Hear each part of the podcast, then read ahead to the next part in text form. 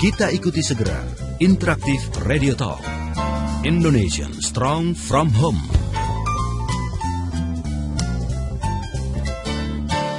Indonesian Strong from Home bersama Ayah Edi, praktisi multiple intelligence dan holistic learning.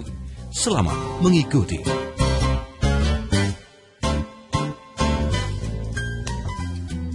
Halo Indonesia, selamat malam Smart Listener, senang sekali bisa menyapa Anda Apa kabar malam hari ini? Apakah Anda sudah bisa menikmati kebersamaan dengan keluarga setelah tadi sibuk dengan aktivitas ya? Tentunya satu hari penuh. Nah ini waktu kita untuk kembali bisa bersama, bisa tentunya kembali menghangatkan suasana di antara keluarga.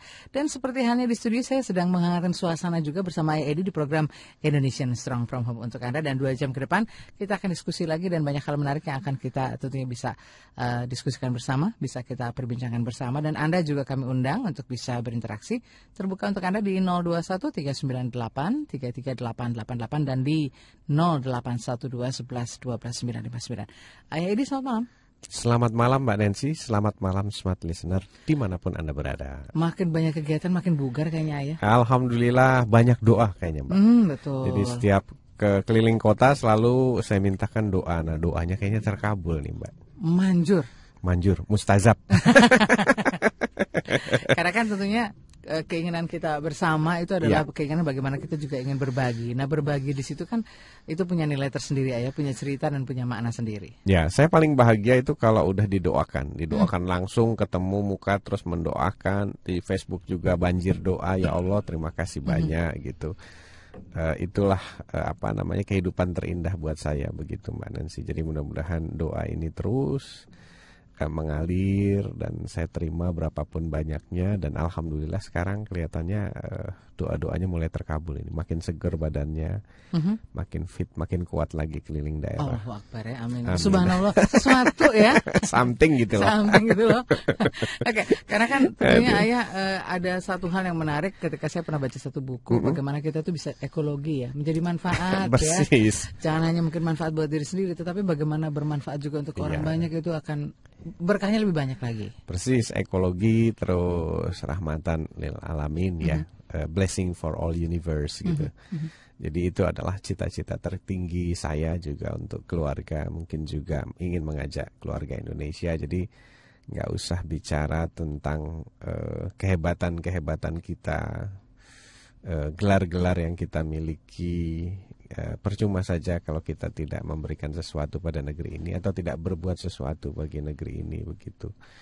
Saya membaca sebuah puisi eh, agak senyum-senyum juga eh, apa senyum Mbak. Eh, jadi judulnya tuh unik kayak apa? kolektor gelar katanya. Wow. jadi Indonesia ini eh, masyarakatnya adalah senang mengkoleksi gelar katanya. Tapi eh, dari gelar-gelar itu tidak ada eh, apa namanya bukti apa pun bagi negerinya gitu. Jadi dalam puisi itu digambarkan katanya mestinya kalau kita makin banyak gelarnya itu makin beba- banyak beban moralnya kalau tidak memberikan sesuatu seperti itu. Tapi di kita eh, kalau udah punya gelar dianggapnya selesai cukup dan eh, apa namanya hebat begitu. Makanya eh, saya waktu ditanya begitu apa gelarnya ayah Edi ya saya katakan ayah tidak ada gelar yang lebih membanggakan daripada menjadi seorang ayah yang sebaik-baiknya buat anak keluarga juga istri. Jadi kalau istri sendiri udah bilang ayahnya nggak bener ya sudah percuma lah kita punya gelar apa pun apalagi kalau anak kita yang bilang bahwa ayahku jahat ayahku begini dan begitu ya Dapat gelar yang seperti itu nggak enak ya, Ayah, ya. Iya, iya, iya artinya eh, kita kaji ulang lah apa sih tujuan Mhm. Betul. berkeluarga. Mungkin kita punya gelar yang membanggakan, tapi kalau di rumah dikasih gelar misalnya ayah galak gitu kan, ayah nggak sayang lah, itu kan jadi jadi mengurangi gitu ya nilai itu tersendiri Ya, ya. ya, ya. apalah arti semua itu ya. Karena tujuan akhir kehidupan kita ini kan yang pertama secara spiritual kita untuk diri kita pribadi, Mhm.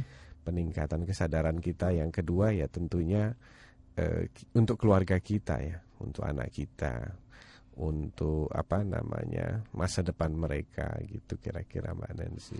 Oke baik dan itu pasti uh, tentunya bisa kita suarakan ya ayah karena kan kita juga ingin menyuarakan apa yang ada di dalam rumah seperti iya. apa tentunya keinginan dari keluarga kita ya. Iya. Bukan keinginan sendiri-sendiri itu tapi keinginan iya. sebuah kesatuan begitu. Ya saya suarakan juga barusan saya dapat telepon dari Pak Bambang Sumanjaya katanya beliau hmm. ingin mengajak kolaborasi antara sesama pembicara Smart FM untuk uh, menggerakkan uh, apa namanya kesadaran uh, membuat uh, forum Indonesian Family gitu. Mm -hmm.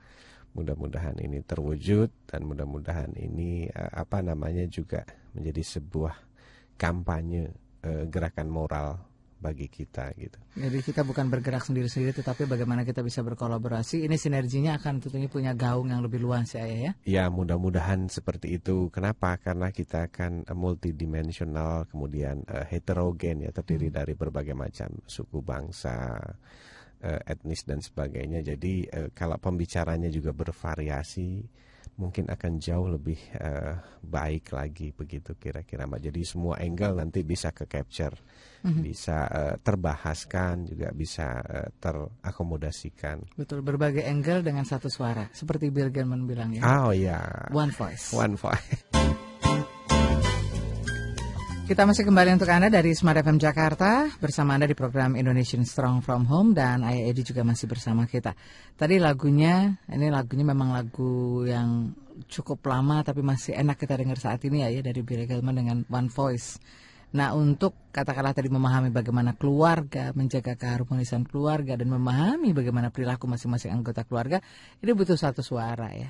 Satu suara bukan berarti bahwa yang satu punya hak veto yang lain enggak gitu. Tapi bagaimana kita punya sebuah katakan tadi penyesuaian ya ayah ya. Ya. Kita melihat anak kita seperti ini, yang satu seperti itu. Nah ini kan hmm. nggak bisa dong kalau masing-masing punya suara sendiri-sendiri akhirnya kita nggak menemukan cara tersendiri. Iya Mbak Nancy. Jadi selama uh, apa ini saya belajar tentang kehidupan ternyata kita sebagai manusia ini ilmu yang paling minim yang kita miliki itu adalah ilmu tentang manusia mbak. Itu itu menariknya. Terus yang kedua kita sebagai uh, makhluk yang bisa berkomunikasi dengan bahasa. Mm. dan bahasanya itu uh, tertata ya. Tapi justru kita sendiri uh, adalah makhluk yang kurang pandai berkomunikasi, Mbak. Jadi dua hal itulah yang menyebabkan uh, problematik timbul antara orang tua dan anak, antara suami dan istri atau pasangan atau dengan keluarga lainnya. Jadi uh, saya pikir sudah saatnya lah kita perlu membahas dan uh, mengkaji ulang sebagai eh, makhluk manusia yang diberi anugerah luar biasa. Yang pertama adalah tadi eh, hmm. kita bisa berkomunikasi. Yang kedua adalah kita makhluk mulia tapi kita tidak paham eh, problematik apa human being itu seperti apa. Jadi kalau dalam bukunya Joe Vitale mengatakan bahwa eh, kita itu dalam bahasa Inggrisnya manusia itu disebut human being. Tapi justru yang terjadi kebanyakan kita ini menjadi human doing mm. gitu. Jadi bukan human being. Apa sih maksudnya human doing? Ya kita nggak mengerti tentang siapa kita. Nah setiap hari kita sibuk dengan kepekerjaan dan aktivitas saja. Sehingga akhirnya walaupun uh, keluarga itu hidup dalam satu atap satu rumah tapi tidak terbangun atau tidak terjalin harmonisasi di antara keluarga.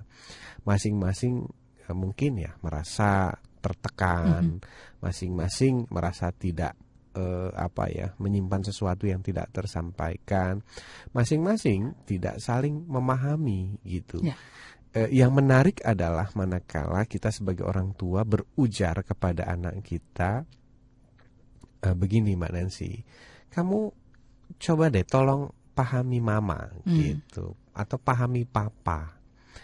Uh, Orang tua meminta anaknya memahami dia. Sering sekali kita mungkin mendengar kalimat ini. Tapi kalau kita runut lagi ingat-ingat apa ya bisa ya anak-anak itu memahami orang tuanya. Karena anak belum pernah mm -hmm. jadi orang tua. Yeah. Tapi kalau orang tua memahami anaknya, itu kelihatannya lebih masuk akal. Karena sudah pernah melewati masa itu ya, ya. Pernah jadi anak hmm. gitu. Cuma sayangnya saya sering kali bicara di seminar, begitu kita jadi orang tua, kita lupa lagi masa anak-anak kita. Mm -hmm. Kita lupa lagi apa yang dulu kita tidak sukai yang dilakukan oleh orang tua kita dalam proses mendidik. Itu kita ulangi lagi saat ini. Uh, ambil contoh yang paling sederhana adalah membanding-bandingkan anak. Yeah itu dulu waktu kecil kita paling sebel itu kalau dibanding bandingin adik sama kakak. Mm -hmm. Ini adik kalau makan lama bener sih nggak kayak kakak mm -hmm. gitu. Terus kakak ini orangnya rapi, Ih, kalau kamu tuh berantakan gitu ya. Hal-hal kecil seperti ini. Dulu kita waktu masih kecil tuh ingat betul itu. Dibanding-bandingkan tuh kesel banget, sebel banget. Nggak nyaman lah. Rasanya, mm, gitu. Tapi pada saat kita kembali jadi orang tua, kok nggak paham gitu. Nggak paham bahwa hal itu dulu pernah kita alami dan kita tidak sukai. Mhm. Sekarang kita ulangi lagi. Banyak sekali hal-hal seperti ini. Nah, terlebih lagi kita belum pernah bersekolah juga jadi orang tua. Jadi kita ya. benar-benar nih orang tua yang awam bagi anak tapi sok tahu mm -hmm. dan sok bener gitu. Uh, selalu menunjuk anak, kamu, kamu, kamu nggak sadar bahwa kita atau mm -hmm. saya, saya, saya itu nggak pernah sekolah jadi orang tua. Nah, sampailah akhirnya klimaksnya adalah perilaku-perilaku anak yang menyimpang, perilaku anak yang bermasalah. Mm -hmm problematik-problematik antara orang tua dan anak setiap hari terjadi. Jadi hidup ini diisi dengan diisi dengan kestresan hmm. terus. Nah, kenapa nggak kita coba belajar mengisi kehidupan ini dengan harmonisasi, kebahagiaan, senyuman, pelukan antara orang tua dan anak, saling respect dan sebagainya. Nah, ini Mbak yang ingin kita tekankan pada malam hari ini. Betul, dan itu justru butuh satu suara bagaimana kita memahami, mengenali masing-masing tipe anak-anak kita ya ya, iya. berdasarkan perilaku sehari-harinya dan bagaimana caranya sebetulnya kita bisa mengelola atau menyikapi hal ini ya. Iya. Dan ini akan kita diskusikan selama dua jam ke depan. Insya Allah. Anda bisa tentunya bergabung dengan kita. Sharing nah, ya. Sharing karena kita buka kesempatan di 0213983388 eh, dan di 0812112959. Tapi menariknya beberapa waktu lalu ayah kan punya juga banyak acara ini ya di beberapa tempat. Nah ini gimana nih ayah? Tentunya kita mendengarkan uh, bagaimana suara-suara yang ada di luar sana dan yang sudah katakanlah tadi mengaplikasikan apa yang kita kita uh, bagikan ya setiap Selasa. Apakah ini juga sudah terasa begitu maknanya dan manfaatnya? Ya kemarin eh, kami baru saja pulang dari Medan. Di sana ada uh, pelatihan seribu guru ya atau parenting seribu guru.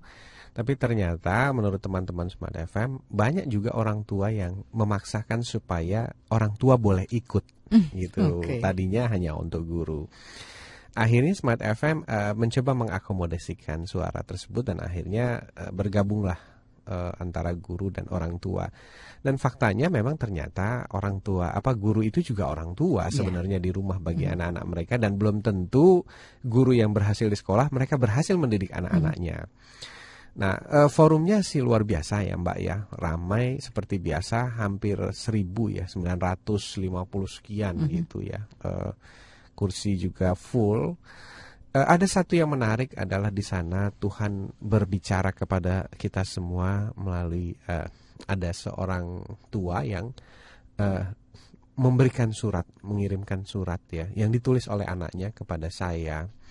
Nah, kemudian surat itu rencananya saya mau baca di rumah, Mbak Nancy. Hmm. Tapi entah kenapa Tuhan uh, memberikan indikasi kepada saya untuk ayo bacakan surat itu gitu. Akhirnya tanpa direncanakan uh, orang tua ini saya undang ke depan ya ke untuk berbicara tentang kisah pengalamannya sebagai pendengar uh, program Indonesian Strong from Home.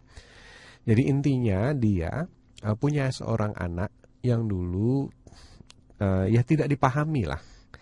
Uh, kemudian sekolah dan di sekolah dinyatakan bermasalah yang katanya uh, tidak bisa konsentrasi, kemudian tidak bisa tidak mau menulis, malas dan sebagainya, uh, sederet gelar-gelar uh, yang buruk bagi anak ini. Nah, kemudian orang tuanya secara kebetulan mendengarkan acara kita. Mm -hmm. Nah, kemudian pada saat pembahasan ciri-ciri anak otak kanan, kemudian bagaimana kita membahas tipe-tipenya dan sebagainya, sampai orang tuanya tersadarkan dan mau sadar sebenarnya karena sadar itu kan pilihan Ya. mbak. Mau sadar kemudian berubah. Jadi melihat anaknya dalam sosok baru bahwa sebenarnya dia tidak masalah tapi kita yang nggak tahu tentang siapa dirinya. Termasuk rekomendasi saya waktu itu adalah pindahkan ke sekolah lain. Ah, jangan pertahankan dia di sekolah yang setiap hari mencaci maki anak. Atau merendahkan anak atau menjuluki anak dengan gelar-gelar seperti itu. Eh, Semua rekomendasi saya, apa yang saya sampaikan di sini ternyata diserap dengan baik, masuk ke hati, dilakukan dan dilaksanakan. Sampai akhirnya anaknya berubah total. Nah, kemarin dalam isi suratnya itu menceritakan bahwa Mhm. mamaku sekarang berubah jadi malaikat. Wow. Ya, yang dulunya marah Mhm. ini dan sebagainya. Kemudian aku tidak tahu kenapa katanya, tapi dari hari ke hari aku mencoba mencari tahu, ternyata ada satu nama yang sering disebut-sebut mama. Siapakah nama itu? Iya, namanya Edi katanya. Tapi saya nggak tahu Edi yang mana, karena teman papa banyak Edi, kemudian temanku juga banyak Edi. Aku pengen sekali eh, bertemu dengan Edi yang satu ini gitu. Akhirnya dia menulis surat itu, katanya nanti kalau mau bertemu dengan saya, saya akan peluk katanya Oh, ayah wow. Edi. ya seperti itu akhirnya dibacakan sangat mengharukan sekali. Artinya begitu banyak hal-hal fatal yang terjadi di rumah kita antara orang tua dan anak, di sekolah antara guru dan murid. Karena ketidakpahaman kita tentang anak-anak yang luar biasa berbeda. Tidak pernah anak diciptakan sama. Dalam Facebook saya menulis kalau kita bicara misalnya satu merek mobil massal, ada Ferrari, ada Lamborghini. Ya. Itu limited edition. Jadi dibuatnya paling cuma tiga atau empat. Anak kita itu special edition, Mbak. Jadi setiap anak tuh satu tipe dan tidak ada yang sama meskipun kembar. Mhm. Meskipun jadi orang tua yang sama juga, itu juga berbeda-beda ya. Iya. Keunikannya ada sendiri-sendiri. Ya, sayangnya kita tidak paham kita punya produk canggih yang lebih baik dari sekedar Ferrari dan Lamborghini. Tapi perlakuannya adalah perlakuan eh, yang diberikan untuk bengkel-bengkel mobil massal begitu, Mbak. Bahkan di bawah mobil massal ya. Mobil massal saja montirnya masih tahu dan belajar dulu. Tapi banyak orang tua yang mengelola anaknya, mendidik anaknya tanpa mau belajar membaca buku, mendengarkan kaset atau minimal mendengarkan talkshow ini begitu, Mbak. Oke, kita masih akan lanjutkan lagi. Dan kita akan juga berbagi dengan beberapa pertanyaan yang sudah masuk dan Anda jangan ke mana-mana. Sudah masuk pertanyaan. Wah banyak sekali. Alhamdulillah. Sudah banyak suara-suara yang ingin juga diskusi dengan kita ya. Baik, Kami akan segera kembali selepas informasi berikut ini. Kita kembali untuk Anda dan masih mengulas tentang mengenali masing-masing eh, tipe anak berdasarkan perilaku sehari-hari dan bagaimana cara mengelolanya dengan tepat. Nah ayah, eh, kalau kita bicara tentang masing-masing tipe, ini juga sering kali kita ulas begitu ya. Tetapi bagaimana memahaminya dari eh, perilaku mereka sehari-hari. Nah ini juga mungkin bukan hanya sekedar butuh sebuah observasi, tetapi kita memang juga cukup cermat ayah melihatnya. Bagaimana hal ini ayah? Ya, eh, 1400 tahun yang lalu ya kira-kira. Eh, Hippocrates itu sudah mencermati masalah manusia. Karena eh, beliau mengatakan bahwa eh, banyak manusia yang tidak paham tentang dirinya sendiri gitu. Artinya eh, nggak tahu manusia itu seperti apa sih, human being itu seperti apa. Eh, kebanyakan mereka human being yang menjadi human doing setiap hari beraktivitas eh, rutinitas dan nggak sadar gitu bahwa dirinya itu eh, memiliki potensi yang luar biasa juga keunikan yang sangat luar biasa. Nah akhirnya eh, beliau melakukan observasi ya, terhadap dirinya sendiri juga terhadap orang lain juga terhadap mungkin ya eh, beberapa anak. Nah, eh, di sana mendapati bahwa ternyata manusia itu tidak ada yang sama persis. Tidak ada yang sama persis. Di- dilihat dari mana? Dari eh, perilakunya sehari-hari, dari bagaimana dia bereaksi, dari bagaimana dia bersosialisasi. Ternyata manusia itu membawa eh, sifat-sifat dasar bawaan lahir yang kemudian eh, pada zaman modern diketahui itu diturunkan lewat genetika kromo- kromosom. Tapi sejak dulu Hippocrates itu sudah menganalisis itu, nah, walaupun eh, belum ada ilmu neuroscience yang modern dulu, tapi beliau sudah mengatakan bahwa eh, di dalam otak manusia itu terdapat beberapa chemical. Chemical-chemical ini punya campuran yang berbeda. Waktu itu masih Mhm. teorinya teori kimia ya, kimia otak. Jadi belum masuk ke eranya multiple intelligence, titik-titik kecerdasan. Nah, dari sana eh, didapat kesimpulan awal bahwa kita bisa mengelompokkan manusia-manusia berdasarkan tipologi, kecenderungan tipologi. Jadi tidak ada yang sama persis, tapi ada kecenderungan-kecenderungan tertentu. Mhm. Nah, kemudian diperkuat oleh namanya Carl Gustav Jung ya. Itu dia punya sekitar eh, 16 tipe ya. Mhm. Yang sekarang dikembangkan oleh MBTI. Nah, saya meng- mengkomparasi antara eh, Jung version dengan eh, Hippocrates version. Ya. Yang lebih sederhana itu adalah miliknya Hippocrates dan ternyata akurasinya cukup bagus. Nah, dari situ kita bisa melihat bahwa ternyata manusia punya sifat bawaan lahir, kemudian ini kemudian menjadi orang tua. Nah, orang tua ini punya kecenderungan bawaan lahir. Nah, biasanya dalam hal menilai sesuatu, dia akan menggunakan eh, persepsi pribadi bawaan lahirnya.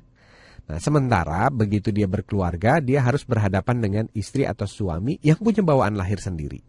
Nah, kemudian begitu nanti punya anak, anaknya akan punya bawaan lahir sendiri yang mungkin mirip setengah dari ayahnya, setengah dari ibunya, atau ibunya lebih dominan atau mirip ayahnya lebih dominan. Nah, kombinasi-kombinasi ini sangat eh, bervariasi. Nah, dari kombinasi ini muncullah nanti konflik-konflik yang namanya internal perception. Hmm, Oke. Jadi eh, persepsi bawaan lahir. Ambil contoh begini, Hippocrates mengatakan bahwa eh, kita bisa membagi tipologi itu ke dalam empat kelompok. Mhm. Ya, kemudian dari empat kelompok itu bisa kita kembangkan kombinasinya menjadi eh, 16. Nah, yang pertama adalah kelompok orang-orang yang cheerful, suka bergaul, kemudian lebih orientasinya people, suka banyak bicara. Nah, eh, dia punya internal perception bawaan lahir yang berbeda dengan tipe-tipe orang manajerial yang orangnya sedikit bicara, banyak berpikir, kemudian kalimatnya sedikit tapi eh, tegas begitu, kemudian pendiriannya keras, kekeh. Nah, eh, ini punya value atau nilai atau persepsi yang berbeda. Ya. Kalau yang pertama tadi dia hidup ini enjoy saja gitu, nggak usah terlalu serius. Kemudian lebih asik ya kita bicara yang umum-umum aja. Kemudian eh, rapi ya, ya yang nggak perlu rapi lah, yang penting fancy kan gitu. Nah yang kedua berbeda, dia harus segala sesuatu tertata, teratur, terencana, menaruh sesuatu harus pada tempatnya, dikembalikan lagi. Nah, dia menganggap bahwa orang pertama santai, relax, fancy itu adalah sebuah style atau sebuah kebenaran. Jadi ya orang yang benar menurut saya ya yang melakukan itu. Sementara yang tipe 2 ini mengatakan bahwa yang benar itu adalah yang rapi, teratur, tertata, terukur, terencana. Segala sesuatu. Ini kalau kita tidak pahami bahwa itu dasarnya adalah persepsi bawaan lahir atau campuran kimia, ya, yang dikatakan Hippocrates. Nanti kita bisa setiap hari itu kerjanya bertengkar terus. Itu baru antar pasangan. Ya. Belum lagi nanti antara orang tua dan anak. Nah, kombinasi-kombinasi inilah yang pada akhirnya setiap hari memunculkan eh, apa namanya gejolak di dalam rumah tangga, di dalam mendidik anak. Nah, kalau kita bisa pahami bahwa eh, setiap anak kita punya bawaan lahir yang berbeda, mungkin kita bisa lebih kompromis atau kompromis ya, eh, berkompromi, Ya. eh, mencari jalan tengah gitu. Oke. eh, kalau misalnya kamu suka fancy, bagaimana fancy itu tidak terlalu acak-acakan di rumah misalnya. Nah kita akhirnya akan punya aturan-aturan main yang disepakati oleh kedua pihak. Nah selama ini tergantung masalahnya pada siapa orang tuanya. Ya. Kalau orang tuanya kebetulan tipe yang fancy, maka aturan main di rumahnya semuanya serba fancy, nggak apa-apa berantakan. That's oke. Yang penting kita fun kok, gitu. Tapi kalau yang tadi orang tuanya adalah tipenya teratur, tertata, keras, kekeh dan sebagainya, maka semua aturannya akan dibuat seperti itu dan sisanya anaknya yang yang mungkin berbeda tipe bisa jadi akan sangat tertekan dengan ini. Tidak nyaman pasti ya. Sangat tidak nyaman. Nah, kita harapkan bahwa dengan kita memahami ini dan kebetulan pada saat tipe kita jadi orang tua, maka kita akan tidak jadi orang tua yang terlalu memaksakan persepsi pribadi kepada anak, tapi mencari jalan tengah. Seperti itu. Saya sendiri eh, di keluarga sangat berbeda. Saya adalah tipe yang kekeh, keras, penuh aturan, tata tertib. Nah, istri saya adalah tipe yang melankolis, eh, mengikuti arus saja. Kemudian anak saya, Dimas, yang pertama itu adalah anak yang santai, rileks, eh, joget-joget, nyanyi-nyanyi gitu. Eh, Fun lah ya. Fun, segalanya serba tidak teratur, kadang-kadang habis main ditinggalkan dan sebagainya. Nah, kakaknya tipe yang rapi, teratur. Jadi sangat beda. Empat orang di dalam satu rumah itu Berbeda sangat semua beda. ya. Ya.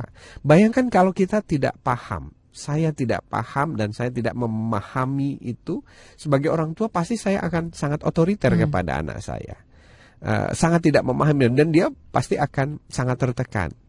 Tapi alhamdulillah dengan proses pemahaman ini saya sering cross checking sama anak saya hampir setiap malam ya. Mhm. Paling tidak dua hari sekali. Gimana komentar kamu sama ayah? Kamu bahagia nggak jadi anak ayah? Apa kira-kira kurangnya ayah? Jadi anak saya saya biasakan untuk eh, berkomentar, berargumentasi, memberikan masukan kepada saya supaya saya bisa paham juga tentang perasaan dia dan apakah aturan-aturan main di rumah ini sudah memenuhi eh, apa namanya jalan tengah bagi keduanya. Kira-kira seperti itu Mbak Nancy. Jangan sampai mungkin satu rumah kita hanya sekedar kenal, nggak sampai cukup dengan memahami, tetapi tidak ada tadi ya bagaimana kita eh, juga mengikuti atau menyesuaikan ya. ya, ya. Persis, itu baru kita bicara keselarasan keseharian ya. Belum lagi kita bicara tentang bahwa tanda-tanda ini sebenarnya berhubungan dengan cara dia belajar, cara dia menyerap ilmu, cara dia berprestasi. Nah, kemudian berhubungan lagi dengan profesi kelak yang cocok itu apa. Kemudian bagaimana kita membimbingnya. Setiap anak bahasa seperti apa yang kita bisa sampaikan ke mereka. Jadi eh, kalau kita tidak mau belajar dan tidak mau memahami, memang ini akan menjadi sangat complicated. Nah, itulah sebenarnya yang saya pelajari selama 10 tahun. Permasalahan keluarga adalah kurang lebih itu lagi dan itu lagi. Makanya kita ingin bahas di sini supaya kita semua belajar, Pak. Mhm. Bagaimana kita sudah bisa mengenali eh, masing-masing tipe itu dengan keunikannya dan juga tentunya Iya. bagaimana kita juga bisa menyesuaikan tadi ya, ya. ya. Ya, dan menyadari bahwa kita juga sebenarnya satu tipe Iya. yang berbeda. Kita juga tipe yang berbeda dan masing-masing itu memang eh, punya keunikan tersendiri ya. Iya. Nah, kalau tidak disuarakan atau tidak dikatakanlah tadi dikomunikasikan, Iya. maka yang ada adalah wah suasananya ini hangat terus ya di rumah ya. Persis. Karena tadi kita Panas hangat terus ya karena kita tidak memahami, Iya. tidak memberikan ruang juga Persis. untuk Nanti kebenaran-kebenaran itu diukur berdasarkan persepsi kita. Mhm. Yang benar itu begini, ini begini, itu begitu. Nah, seperti itu kira-kira Mbak Nancy. hanya satu suara saja yang benar ya suara-suara yang lain gak usah didengar gitu. Oke, tapi kita harus mendengarkan suaranya Mas Bowo yang bilang bahwa kita harus break dulu ya. Baik, Mbak Nancy. Jangan siap. ke mana-mana kita masih akan ulas lagi bagaimana setelah kita tadi mengenali masing-masing tipe anak berdasarkan perilaku sehari-hari dan ini upaya kita untuk bisa memahami mereka dan akhirnya upaya kita untuk bisa eh, mengenali atau mengelolanya dengan baik. Kami akan segera kembali. Kita kembali bersama Ayah Edi dan Anda juga selamat malam yang baru bergabung bersama kami di program Indonesian Strong From Home yang kami hadirkan selasa malam dari pukul 20 hingga 22 waktu Indonesia Barat. Dan kita masih mengulas tentang mengenali masing-masing tipe anak kita berdasarkan perilaku sehari-hari dan bagaimana cara mengelolanya dengan tepat. Nah, ayah kalau kita lihat dari eh, tentunya bagaimana aktivitas mereka sehari-hari, maka itu akan kita lihat bagaimana perilaku mereka sehari-hari. Nah, ini apa yang perlu mungkin dilakukan langkah pertama oleh orang tua untuk bisa tadi memahami dan akhirnya kita tahu bagaimana cara mengelolanya dengan tepat. Baik. Eh, kami membagi ilmu ini kepada para orang tua yang kebetulan menyekolahkan di tempat kami dengan memasukkan ke dalam sistem kurikulum yang kami buat sendiri. Ya. Jadi seperti apa sih sebenarnya eh, yang perlu kita lakukan pada seorang anak eh, pada saat dia bersekolah? Mhm. Nah, yang pertama adalah kita mengajak orang tua melalui guru belajar tentang yang namanya eh, perbedaan tipe sifat dasar atau sifat-sifat dasar bawaan lahir anak. E, di sana juga ada yang kita sebut sebagai sifat dasar bawaan lahir orang tuanya. Jadi begitu orang tuanya tahu dia sendiri mm -hmm. seperti ini, kemudian anaknya seperti ini, mulai tersadarkan. Oh, ya ya pantas ya si A gitu atau si Fulan mm. kok yang kalau pagi susah bener dibangunin gitu. Tapi kalau misalnya si B kok dia cepat sesuai dengan rencana, hmm. teratur. Jadi mulai uh, tumbuh kesadaran. Nah, yang kedua kita bicara lagi tentang uh, perbedaan cara berpikir. Nah, cara berpikir ini ada dua macam perbedaan. Yang pertama adalah cara bekerjanya otak. Hmm. Jadi otak kita itu ada otak sebelah kiri, eh, belahan kiri ada belahan kanan. Nah, ada anak yang dominannya kiri, ada anak yang dominannya kanan, ada yang balance, Mbak. Hmm. Kalau yang dominannya kiri seperti tadi, biasanya kalau diminta sesuatu, dia ingat, kemudian dia mudah patuh, kemudian dia yeah. teratur, dia terencana, dia rapi, mm -hmm. sekuen. Nah berarti kemungkinan besar anak kita lebih dominannya otak kiri. Tapi kalau ternyata dia lebih dominannya otak kanan, nah ini yang sering kali uh, kata orang tua sebagai anak yang tidak gampang nurut gitu hmm. atau uh, tidak mudah diatur. Kenapa? Karena memang sifat kerja otaknya itu tidak teratur, yeah. tidak sekuen tapi random dia. Eh, cara berpikirnya random melompat-lompat. Mm. Kemudian sistem emosinya juga moody, gampang emosi, gampang marah. Nah, kita pahami dulu apakah anak kita otak kanan atau otak kiri.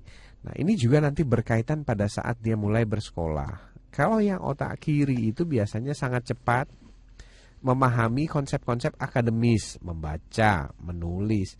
Tapi kalau yang otak kanan dia kurang suka hmm. tentang akademis, dia lebih suka hal-hal yang bersifat seni. Nah, gambar, kemudian visual. Jadi segala sesuatu itu harus bentuknya seperti itu. Kemudian imajinasi. Jadi segala sesuatu itu harus diimajinasikan dan dilakukan sambil bermain. Dia nggak bisa duduk diam, hmm. serius. Dia harus melakukan sesuatu. Nah itu kalau ciri-ciri anak otak kanan kesannya di awal-awal dia terlambat. Sebenarnya bukan terlambat karena kebanyakan guru dan orang tua mengajari mereka dengan cara-cara bekerjanya otak kiri. Jadi otak kanannya nggak kompatibel yes. kalau di kamput uh, istilah komputer ya. Nah ini dari kontinum otak atau uh, sifat-sifat dasar bawaan otak. Nah kemudian pada saat otak belajar ya, menyerap ilmu, menyerap informasi, dia menggunakan uh, panca indera, Pak. Mm -hmm. Panca indera. Nah, di dalam panca indera itu kita punya uh, yang saat ini uh, diteliti itu uh, punya kombinasi, ada kombinasi dominan visual, ada kombinasi dominan auditori, mm -hmm. ada dominan uh, kinestetik. Apa sih artinya? Kalau ternyata anak kita itu dominan visual, ya, dominan visual, dia biasanya otaknya menggunakan organ mata dalam proses belajar. Ya. Nah, karena dia menggunakan mata, jadi mata yang dominan bekerja. Pada saat mata bekerja, otomatis tubuh diam. Uh mhm. -huh. Jadi anak ini kalau belajar biasanya memilih untuk diam, terus menggunakan buku, kemudian menggunakan alat-alat bantu serta ruangan yang tanpa suara. Dia nggak bisa berisik, gitu. Itu anak-anak visual. Uh, dia sangat memperhatikan apa yang disampaikan orang dengan mata. Jadi wajahnya menatap ke sana. Nah, kembali lagi, kalau kita sadari ini adalah satu tipe, nah sayangnya orang tidak menyadari tipe lainnya sehingga apabila uh, tipe lainnya apa ada anak yang bertipe beda dengan visual dianggapnya anak itu tidak menyimak, hmm. tidak mendengarkan, tidak memperhatikan. Karena memang ciri visual itu memperhatikan karena matanya harus menatap baru dia paham. Tapi kalau kita bicara tipe lainnya, misalnya auditori, dia lebih dominan menggunakan telinga sama suara. Yeah. Jadi voice ya. Mm -hmm. Jadi voice itu ditangkap oleh telinga dan direkam oleh otak. Dia lebih cepat. Metodologi belajarnya adalah diskusi, mendengarkan. Nah, biasanya kalau dia tidak diberikan kesempatan untuk diskusi, ini anak-anak kecil yang belum tahu mungkin aturan main, dia akan ngajak teman-temannya Hmm. ngobrol. Seperti itu dianggapnya dia merusak suasana sekolah. Nah, ini temuannya Dona Markova ya, Ya. di dalam kelas. Dan yang terakhir itu adalah tipe yang otaknya menggunakan alat-alat tubuh atau anggota tubuh untuk merekam yang namanya kinestetik. Nah, anggota tubuh ini ada dua motorik. Yang pertama halus, yang kedua kasar. Jadi motorik itu adalah gerakan. Mhm. Kalau gerakan halus biasanya dia eh, untuk belajar ya supaya bisa lebih nyerap dia perlu sesuatu bergerak dalam tubuhnya. Motorik halus tuh misalnya mulut ya. Mulutnya bergerak jadi dia ngemil. Mhm. Ada orang yang eh, harus ngemil dia baru terbantu otaknya. Kemudian ada lagi yang melalui gerakan-gerakan bolpen diputar-putar atau gerakan tubuh Mhm. goyang-goyang dan sebagainya. Sementara kalau kinestetik enggak, dia harus bergerak seluruh tubuhnya, dia harus bangkit dari tempat berjalan-jalan, berlari, berputar dan sebagainya. Nah, itu baru tipe-tipe dominannya, belum lagi kombinasinya. Ada yang kombinasinya bergerak sambil mendengarkan keributan. Jadi anak-anak kita tuh ada yang belajarnya sambil bergerak tapi TV nyala atau radio nyala. ya. Seperti itu. Nah, makanya tugas kita sebenarnya adalah memperhatikan eh, di kombinasi yang seperti apa nih anak saya lebih cepat belajar. Nah, sayangnya kalau kita nggak paham, kita akan selalu bilang bahwa eh kalau belajar itu jangan nyalain TV, Hmm. jangan jangan dengerin musik, duduk diam, tenang. Jangan berisik dong. Jangan ya. berisik.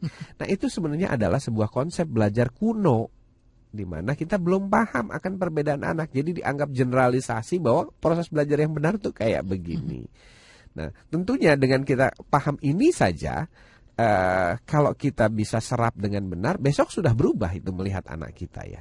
Dan anak kita mulai merasa nyaman lagi, tidak tidak tertekan oleh aturan-aturan yang sebenarnya nggak cocok dengan eh, keunikan dia seperti itu. Justru semungkinnya mungkin ke- ketika kita sudah mulai belajar memahami ya, ya ini akan menjadi sebuah solusi dan jalan keluar sama-sama ya win-win ya dan mm, di situlah mungkin justru anak kita akan eh, mengupayakan atau memaksimalkan apa yang dia bisa dan mampu Persis. lakukan. Ya, sekarang istilah ini dikenal sebagai istilah gaya belajar. Ya. Hmm. Uh, jadi satu, dua, tiga hal ini kita perkenalkan kepada orang tua supaya dia bisa memahami siapa dirinya dan siapa anaknya.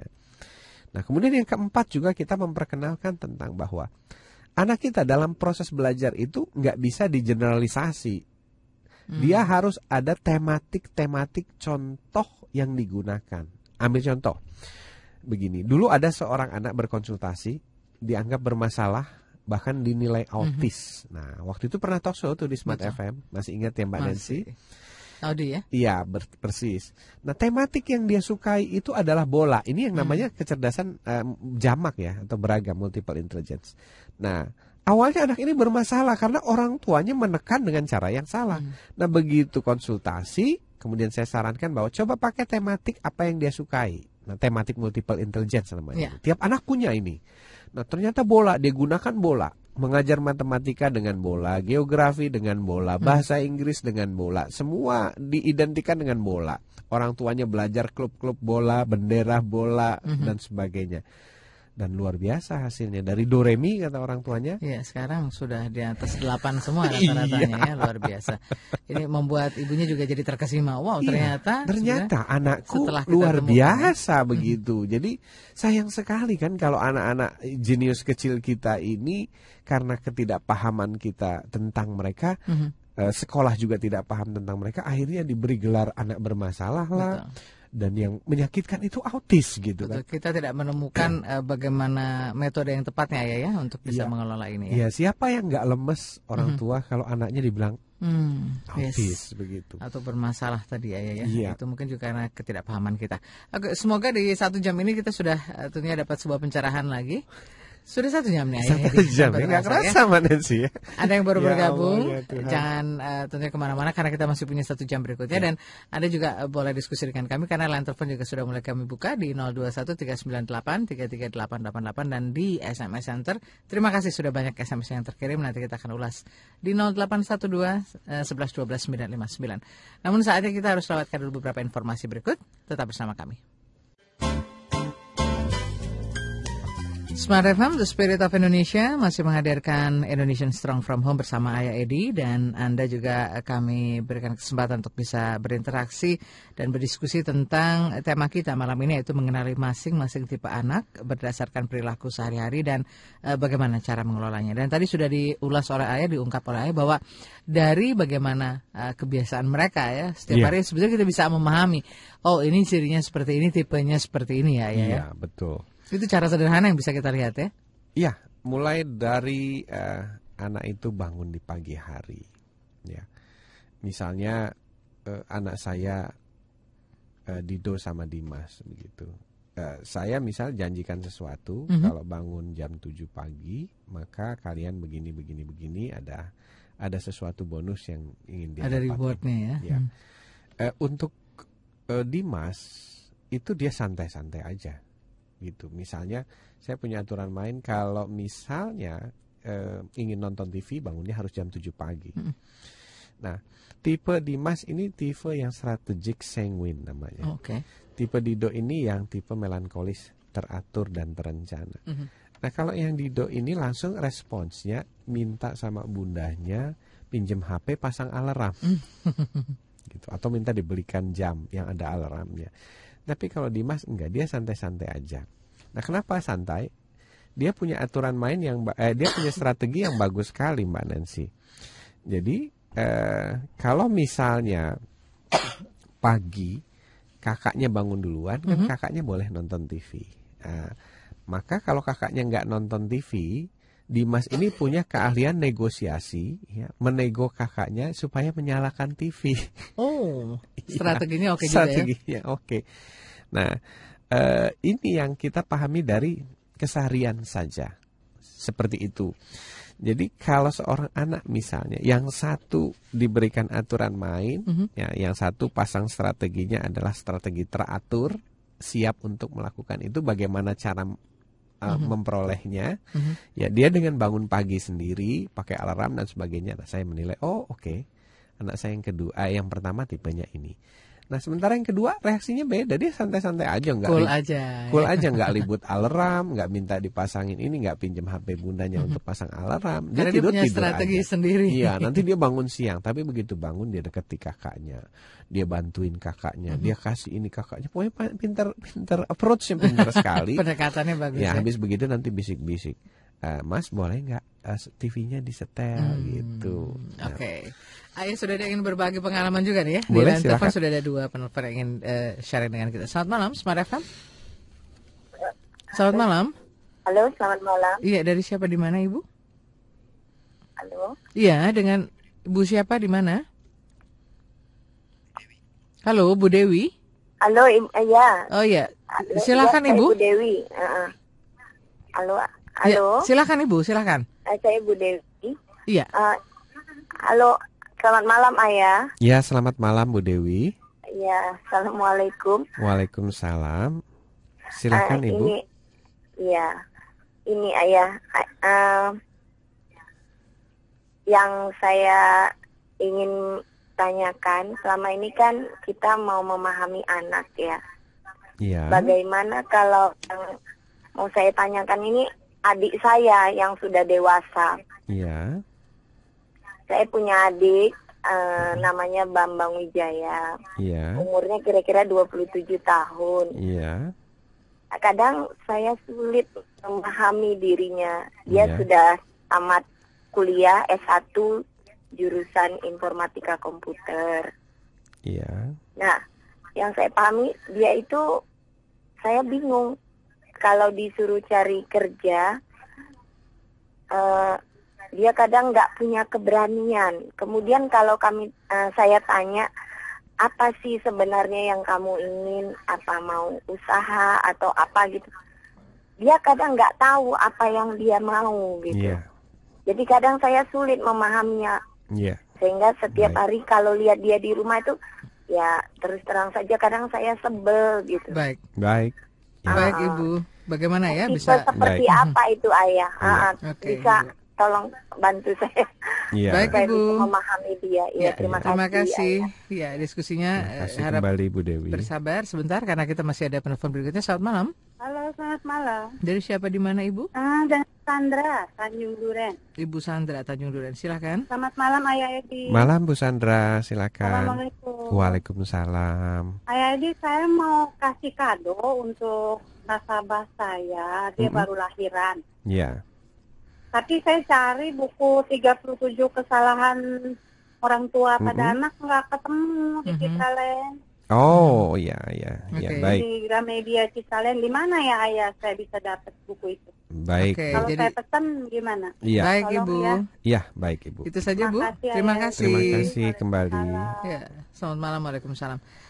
Nah ini eh, yang kedua adalah membutuhkan buku Ayah Edi ini ya. Waduh, kita apresiasi juga ya bahwa hadiah-hadiah yang akan Luar diberikan adalah biasa. untuk buku-buku yang Iya, eh, sangat memotivasi. baik. Silakan Ayah. Ya, pertama begini, barusan kita mendengarkan Bu Dewi bicara ya. Nah, ini kalau kita belajar memahami, kita mulai bisa menebak atau memprediksikan, memahami Bu Dewi. Bu Dewi ini tipe otak kanan. Jadi seorang otak kanan itu kalau berbicara lompat-lompat, kemudian berputar baru masuk ke intinya. Seperti itu. Jadi tidak to the point. Jadi kita eh, yang perlu memahami apa nih sebenarnya intisari masalahnya. Nah, kalau tidak eh, mungkin orang akan emosi Bu mendengarkan Ibu bicara ini apa sih sebenarnya intinya itulah pentingnya kita memahami orang lain. Tapi setiap orang otak kanan berbicara gayanya seperti ini, Ya. berputar-putar. Saya sudah terlatih di rumah oleh anak saya setiap hari begitu. Jadi memahami oh gitu ya, Nak. Oh gitu saya dengarkan dulu. Oh intinya ini ternyata itu bukan sebuah benar atau salah bu, tapi itu adalah ciri khas yang harus kita pahami. Nah, saya tidak tahu apakah eh, adik ibu ini otak kanan juga. Nah, kalau otak kanan ketemu otak kanan ini saling memahaminya agak sulit gitu karena gaya-gaya berpikirnya lain. Ya. Eh, tapi kalau otak kiri itu biasanya lebih dipahami. Nah kemudian kalau kita bicara ini dia sudah lulus S1 kemudian nggak berani ngelamar kerja, nggak berani ini, nggak berani itu, itu bukan tipe, tapi itu adalah pola asuh dan pola didik.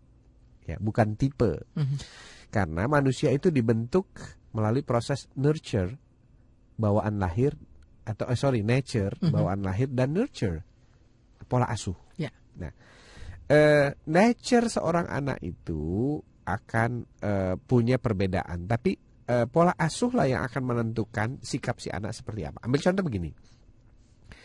Eh, seorang anak yang terlahir dengan flekmatis. Flekmatis itu adalah anak yang pemalu, lebih suka eh, tidak berinisiatif, kemudian kurang mandiri.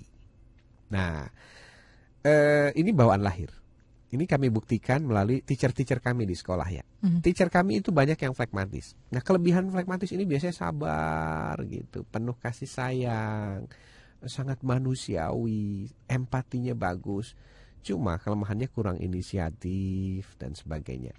Nah, kemudian eh, apa namanya pimpinan sekolah kami itu melakukan proses pendidikan bersama saya untuk melatih yang flekmatis ini mengurangi segala apa memperbaiki segala kekurangannya. Menjadi lebih misalnya eh, lebih eh, penuh inisiatif dan sebagainya. Kemudian menjadi eh, lebih atraktif dan sebagainya. Nah ini disebabkan oleh pola didik kita gitu dia menjadi berani sekarang menjadi sangat pede sekali Ya. nah itu oleh pola didik dan pola asuh Mhm. jadi miss-miss kami itu rata-rata adalah kelompok eh, bawaan lahir flekmatis yang dididik sedemikian rupa menjadi orang-orang yang tampil berani. Bagus sekali sampai nggak kelihatan kalau miss-miss kami itu atau teacher-teacher kami di sekolah itu adalah kelompok flekmatis. Nah, saya tidak tahu apakah eh, Mas Bambang Wijaya ini juga kelompok flekmatis. Mhm. Nah, tapi pola asuh lah yang menyebabkan dia tidak berani, Ya. Mungkin dia sering dipersalahkan, mungkin dia sering dicela, mungkin dia kurang dipuji, Mhm. mungkin kalau berbuat sesuatu eh, prestasi kecil kurang diakui, Diapresiasi. kurang diapresiasi. Ini yang menyebabkan akhirnya lahir seorang Bambang Wijaya yang seperti ibu ceritakan. Jadi kalau mau merubahnya, maka orang-orang di sekitarnya dulu yang harus berubah. Nah, makanya saya membuat buku atau menulis buku 37 kesalahan orang tua yang menyebabkan perilaku buruk pada anaknya. Jadi menyebabkan Ya. sebabnya itu dari lingkungan sekitarnya. Nah kalau lingkungan sekitarnya tidak mau berubah, maka Mas Bambang Wijaya ini pun nggak akan berubah. Misalnya begini, di sekolah kami tidak ada celak mencela, yang ada selalu puji memuji sama motivasi. Jadi kalau misalnya ada Miss baru gitu ya melakukan kesalahan, tenang Miss, Miss pasti bisa, Hmm. pasti bisa. Ayo Miss, dicoba lagi. Yuk pelan-pelan, bertahap Miss. Tuh, Miss udah lebih baik dari kemarin. Jadi gayanya seperti itu. Ya. Nah, makanya yang tumbuh adalah sebuah habit positif. Nah, saya khawatir Mas Bambang Wijaya ini dibesarkan di lingkungan sekolah yang suka mencela gurunya, dosennya suka mempersulit, merendahkan mahasiswanya. Jadi akhirnya tumbuhlah dia menjadi sebuah pribadi yang tidak percaya diri, tidak punya keberanian, takut melakukan ini, takut melakukan itu. Ya. So, kalau ibu ingin dia berubah, coba ibu pelajari 37 kebiasaan orang tua. Ini applied juga terhadap usia yang sudah besar. Mhm. Kalau ibu sebagai kakaknya dan orang tuanya mau berubah, mengubah 37 kesalahan kita tadi, maka insya Allah siapa pun berubah. Kami sudah menguji itu dan silakan berkunjung ke sekolah kami, Hmm. bertemu langsung dengan guru-guru kami nanti akan terlihat sebuah kombinasi sosok flekmatis yang sekarang eh, menjadi seperti sanguin dan koleris. Jadi kombinasi yang berimbang itu yang kita upayakan adalah balance. Eh, membalance menyeimbangkan faktor-faktor yang menjadi kelemahan dan mengangkat keunggulannya. Kira-kira seperti itu. Oke, Bu Dewi semoga ini menjawab dan bisa membantu nanti ya bagaimana Ya, Bu kami Dewi sendiri memahami. melatih guru itu sekitar tiga tahun, Mbak, baru mulai berubah ya menjadi sosok pribadi yang baru, Mhm. sosok mereka yang baru. Dari awal yang raw materialnya Mhm. penuh ketakutan, pemalu, nggak berani tampil, wow sekarang luar biasa canggihnya. Betul. Jadi bahan dasarnya kalau ibarat kue itu tetap ya ya, Persis. tetapi bagaimana kita juga bisa improvement diri kita ya, dan menyesuaikan tadi dengan kebutuhan yang ada dan kebutuhan diri kita sendiri ya. begitu kira-kira Bu Dewi. Oke, Bu Dewi terima kasih dan kita ke Bu Sandra. Ini butuh eh, ini ya informasi bagaimana mendapatkan eh, buku-buku ayah ya. Ya, baik. Begini Bu Sandra ya. Buku itu dipajang di Gramedia itu hanya satu bulan. Ya, jadi habis satu bulan dia akan diganti dengan buku baru. Itu kebijakan yang saya tahu. Saya ngobrol dengan teman-teman di Gramedia. Karena begitu banyaknya sekarang penulis buku. Nah, kalau tidak di Gramedia mungkin bisa di Gunung Agung, Bu. Gunung Agung itu eh, berjanji akan memajang buku kami lebih lama dari satu bulan. Tapi kalau di Gunung Agung itu tidak ada, ibu bisa bergabung di Facebook, nah, Facebook ya, atau fanpage komunitas Ayah Edi. Alamatnya itu Ayah Edi at yahoo.com. Jadi Ayah Edi at yahoo.com. Jadi kalau ibu cari di Facebook fanpage Ayah Edi at yahoo.com, di sana ketemu fanpage kami atau Facebook kami. Nanti salah satu komunitas di Facebook itu namanya Karima Edukasi. Nah, Karima Edukasi itu adalah eh, toko buku online Ya. atau via pos yang menyediakan buku-buku kami paling lengkap. Hmm. Bisa dibeli eh, by transfer dan terpercaya ya. Jadi jangan jangan takut kalau transfer nanti uangnya hilang karena kan yang kita khawatirkan beli online seperti itu. Nah, ada Karima Edukasi, Bu. Nah, kira-kira seperti itu. Eh, ibu bisa mendapatkan bukunya lebih lengkap. Nah, kalau misalnya ibu sedikit mau berupaya lagi, itu bisa menghubungi penerbitnya. Hmm. Kalau belinya banyak, Ya. ya, sekitar 50 sampai 100 ada harga khusus mungkin dari penerbitnya. Karena di di apa namanya di website kami eh, itu tinggal dicari saja penerbitnya. Jadi di sana ada contoh bukunya. Eh, misalnya buku Ayah Edi. Nah, nanti kalau kita klik itu kalau penerbitnya Tangga Pustaka keluar Tangga Pustaka gitu. Kalau penerbitnya Hikmah Mizan itu keluar Hikmah Mizan. Nah, kebetulan buku yang Ibu cari penerbitnya Grasindo. Mhm. Seperti itu. Oke, semoga menjawab ya Bu Sandra dan semoga ada informasi tadi yang bisa membantu Bu Sandra menemukan buku yang Ya. dimaksud ya. Terima kasih Bu Sandra dan eh, juga Bu Dewi. Kita nanti akan diskusi dengan beberapa pertanyaan di SMS juga, tapi ini waktunya kita break dulu ya Mas Bowo. Betul. Jangan ke mana-mana, Smart Listener tetap bersama kami dan kita masih terus mengulas tema kita malam ini tentang mengenali masing eh, masing tipe anak kita berdasarkan perilaku sehari-hari dan bagaimana cara mengelolanya. Dari tema kita malam ini, Listener, mengenali masing-masing tipe anak kita dan eh, ini berdasarkan perilaku sehari-hari, juga bagaimana cara mengelolanya. Ini ternyata banyak juga yang diskusi seputar apa yang kita ulas ya ya. Ya. Saya mulai beri kesempatan saja untuk yang ada di SMS dan untuk Anda yang ingin gabung di line telepon juga masih eh, dibuka line teleponnya dan silahkan saja menghubungi langsung. Kita ke Bu Ita di Pekanbaru. Assalamualaikum Ayah Edi. Waalaikumsalam Bu Ita. Ciri-ciri anak yang cerdas, in- intrapersonal dan interpersonal itu seperti apa ya Ayah? Kalau sudah besar, anak yang cerdas intra dan juga interpersonal ini cocoknya di profesi apa? Dan ada nggak sih contoh mungkin tokoh yang memang cerdas di intra dan interpersonal? Iya, eh, multiple intelligence itu memperkenalkan kita dengan istilah intra dan inter ya. Intra itu kecerdasan merenungi diri, Mhm. sedangkan inter itu kecerdasan bergaul. Nah, biasanya manusia itu tidak hanya diberikan satu, tapi kombinasi beberapa kecerdasan. Ya. Ya, seperti saya misalnya, eh, yang paling tinggi dari saya adalah naturalis. Jadi saya selalu akan merasa luar biasa menikmati alam semesta ini. Yang kedua yang saya miliki adalah intra. Intra itu sejak usia 12 tahun saya selalu bertanya tentang untuk apa sih saya hidup di bumi ini. Nah, untuk apa saya eh, ke- apa arti kehidupan ini? Itu intra. Selalu mempertanyakan tentang itu. Why, why, why. Itu biasanya disebut sebagai kecerdasan para ilmuwan, kecerdasan para filosof. Tapi bawaan lahir ini pun bisa diasah ya. Jadi kalau yang tidak punya itu bisa diasah. Tapi kalau yang sudah bawaan lahir yang punya dia akan sangat luar biasa. Nah kemudian saya juga punya interpersonal. Tapi interpersonal saya tidak tinggi. Makanya saya perlu pelatihan untuk bisa eh, bergaul dengan baik. Itulah kenapa misalnya saya tidak menyukai BB. Hmm. BlackBerry.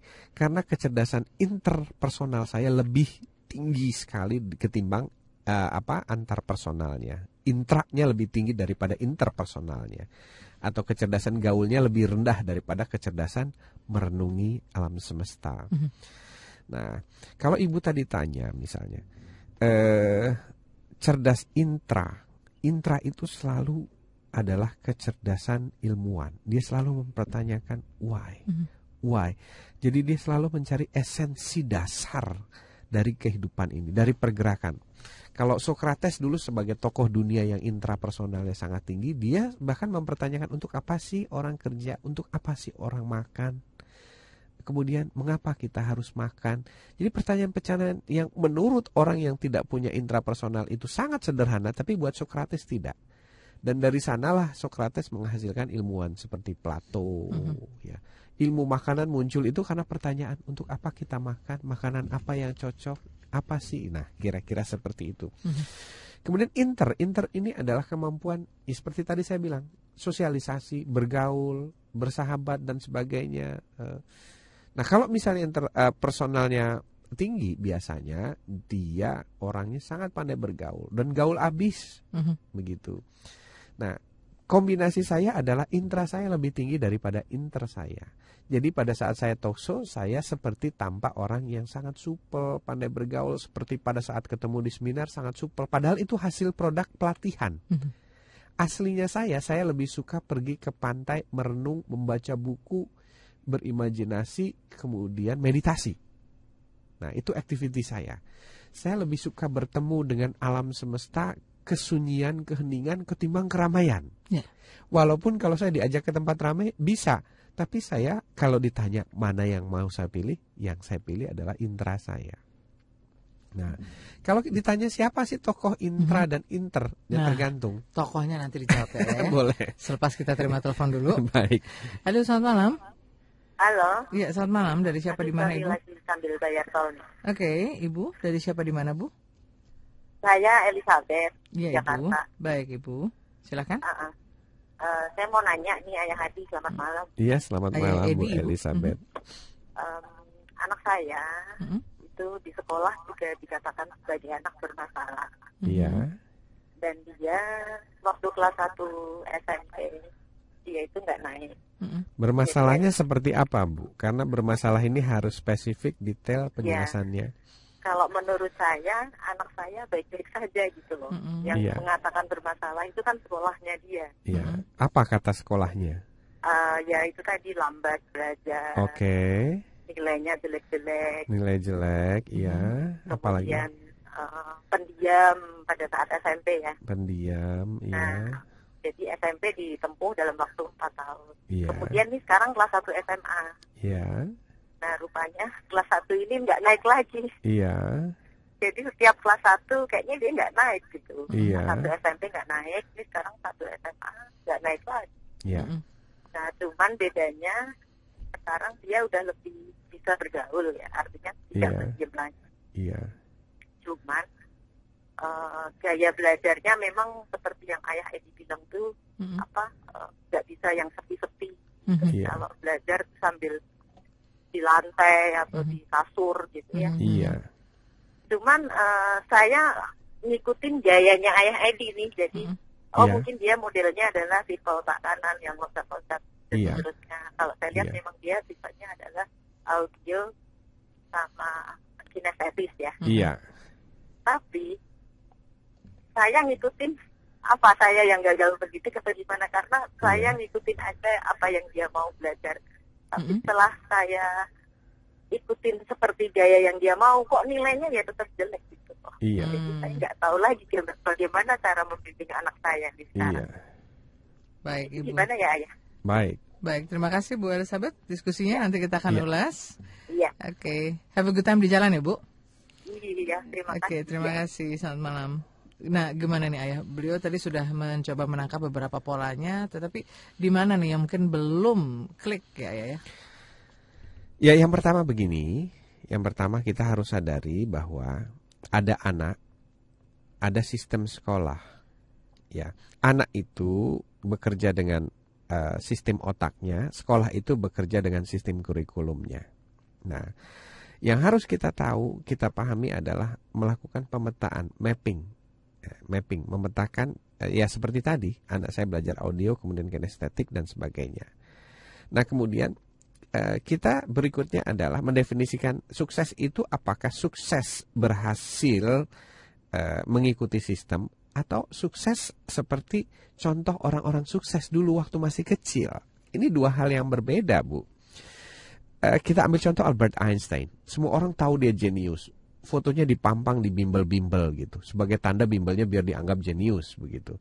Nah, eh, kalau kita lihat sejarahnya Einstein, Einstein waktu masih kecil, dia itu gagal di sekolah. Bahkan tingkat kegagalannya itu sampai dia nggak punya ijazah SD, SMP, SMA. Jadi secara kurikulum dia tidak bisa mengikuti. Karena dia lebih mau mengikuti secara alamiah cara bekerja otaknya. Nah, jadi alat ukur mana dulu yang kita mau capai ini sukses. Nah, bedanya apa? Bedanya adalah orang tua Einstein waktu itu ya nggak nggak memaksakan Einstein harus mengikuti Ya. sekolah. Jadi waktu Einstein nggak dapat ijazah, ibunya dalam sejarahnya itu mengatakan nggak apa-apa nanti kita cari anak sekolah yang masih mau menerima kamu sayang Mhm. gitu, yang tanpa ijazah. Sampai akhirnya Einstein kuliah eh, di Swiss ya di Politeknik. Dan kemudian di sana dia diminta untuk ada kalau mau kuliah di sini minimal kamu dapat ijazah. Dan Einstein baru berkompromi dengan sekolahnya. Dia mau ngikuti sistem untuk sekedar dapat ijazah dan melanjutkan di eh, Politeknik di Zurich di Swiss. Nah kemudian yang berikutnya adalah kalau ibu tadi mengatakan mengikuti anak. Nah sebaiknya bukan mengikuti tapi kita ber eh, apa namanya tukar pikiran Mhm. Nah, tukar pikirannya misalnya, why? Kenapa ya nak? Kok begini-begini? Apakah nih? Apakah kita coba observasi? Inilah yang kami sebut proses telusur. Apakah disebabkan karena misalnya gurunya kamu orangnya nggak menarik, cara ngajarnya nggak cocok, atau orangnya sendiri misalnya killer?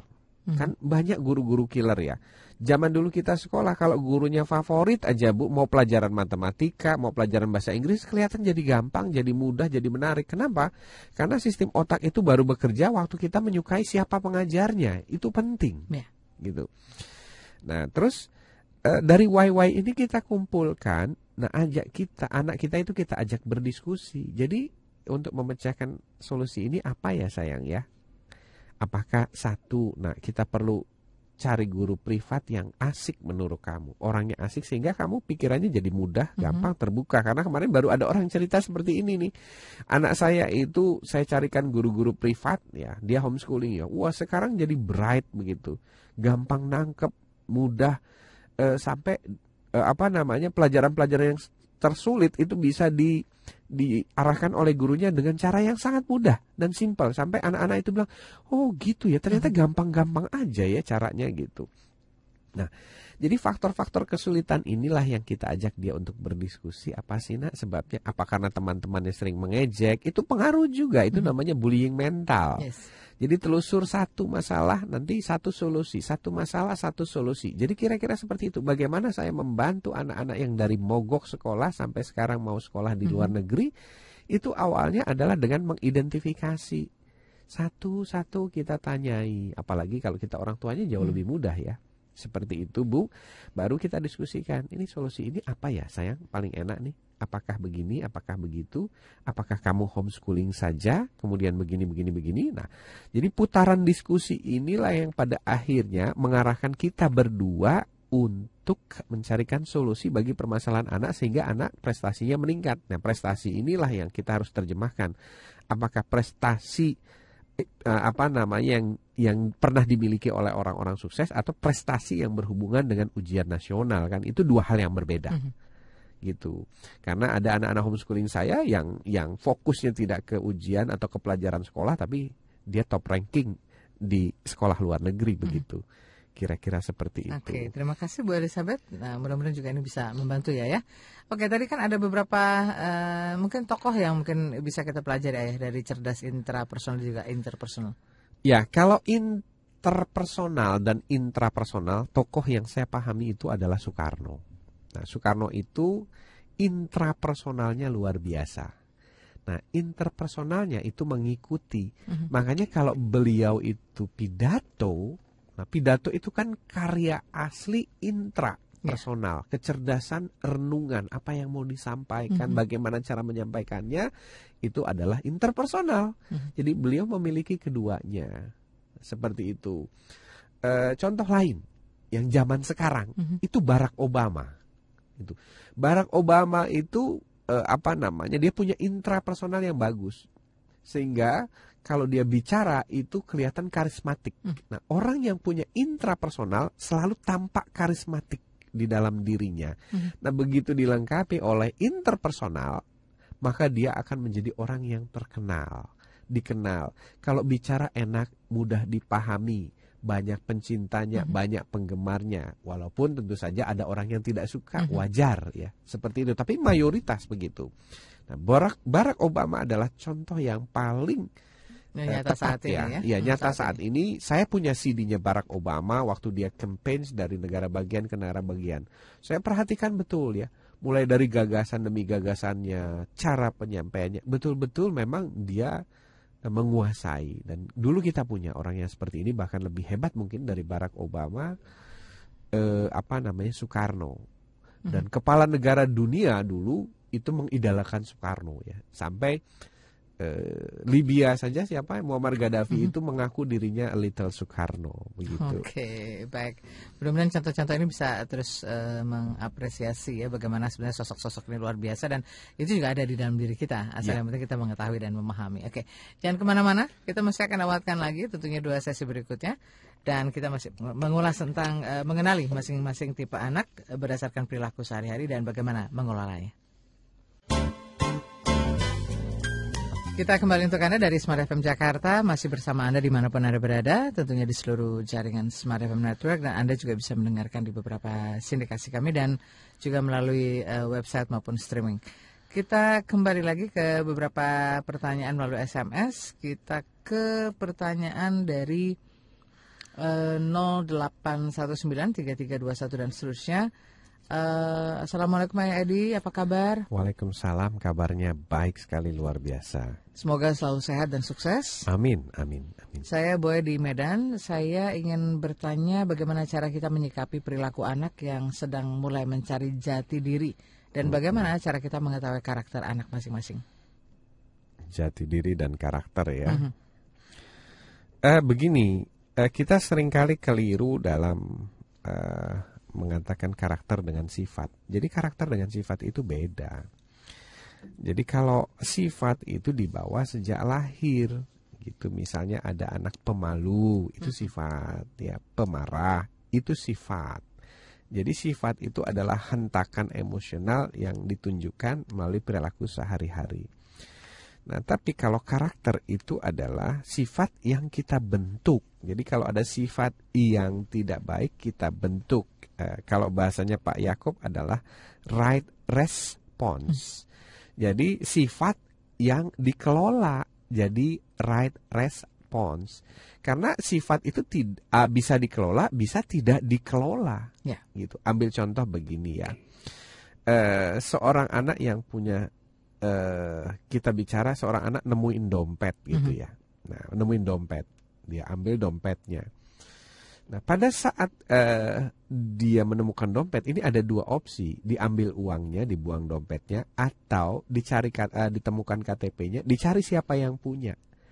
Nah, kalau si anak ini misalnya eh, mengambil uangnya, ya itu karakter namanya, tapi karakter yang Mhm. buruk. Jadi wrong response. Nah, kalau kita bicara tentang dia ambil eh, KTP-nya kemudian dicari siapa yang punya, itu adalah eh, karakter. Jadi karakter yang baik. Nah, itu dulu yang kita pahami. Bahasa Inggris itu jelas sekali membedakan itu. Karakter itu adalah bentukan, eh, eh, behavior itu adalah bawaan lahir atau Ya. personality. Nah, kemudian kalau kita misalnya bicara tentang jati diri. Mhm. Nah, jati diri ini apa sih? Jati diri ini adalah pertumbuhan dari sifat dasar ke karakter. Gitu. Jadi anak-anak ini pada dasarnya kan belum punya karakter.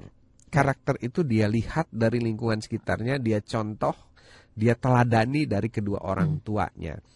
Nah, pada saat si anak ini ingin punya karakter, nah itu berlangsung sejak SD sampai SMA dan puncaknya di SMA. Ya.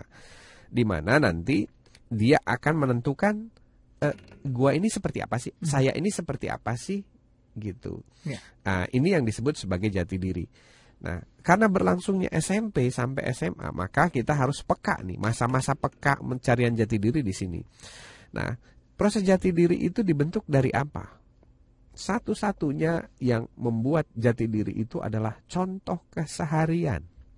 Nah, kalau kita misalnya ingin membentuk jati diri anak menjadi lebih baik, maka kita harus memperhatikan betul-betul apa saja yang dicontoh dan Hmm. siapa saja yang dicontoh. Ya. Yang pertama pasti kedua orang tuanya. Nah, kalau kedua orang tuanya tidak belajar memahami anaknya, Mhm. memahami cara berkomunikasi yang benar dengan anaknya, maka nanti eh, yang dicontoh teman-temannya Mm. dan jati dirinya menjadi jati diri teman-teman atau gengnya. Mhm. Terus yang kedua, yang ditonton.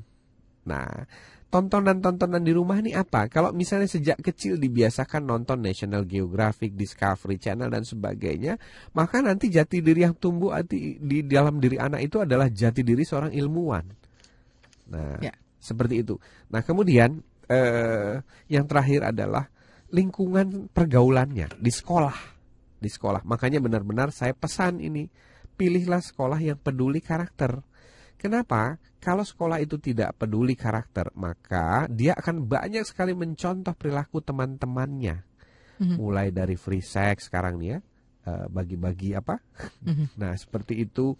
Nah, itu akan menjadi jati dirinya dia. Makanya saya kemarin dalam Facebook menegaskan kembali, kenapa saya makin yakin menghomeschoolingkan? Karena saya ingin membentuk jati diri anak saya dan saya perhatikan dengan baik. Mudah-mudahan ayahnya jadi teladan, bundanya jadi teladan, lingkungan sekitar jadi teladan. Dan kalau ada sesuatu yang kira-kira akan mengarahkan dia ke jati diri yang tidak baik, saya bisa langsung memonitor siapa ini Mhm. eh, apa yang dicontohnya. Sementara kalau kita menyekolahkan anak sekarang ini sangat sulit sekali. Kenapa?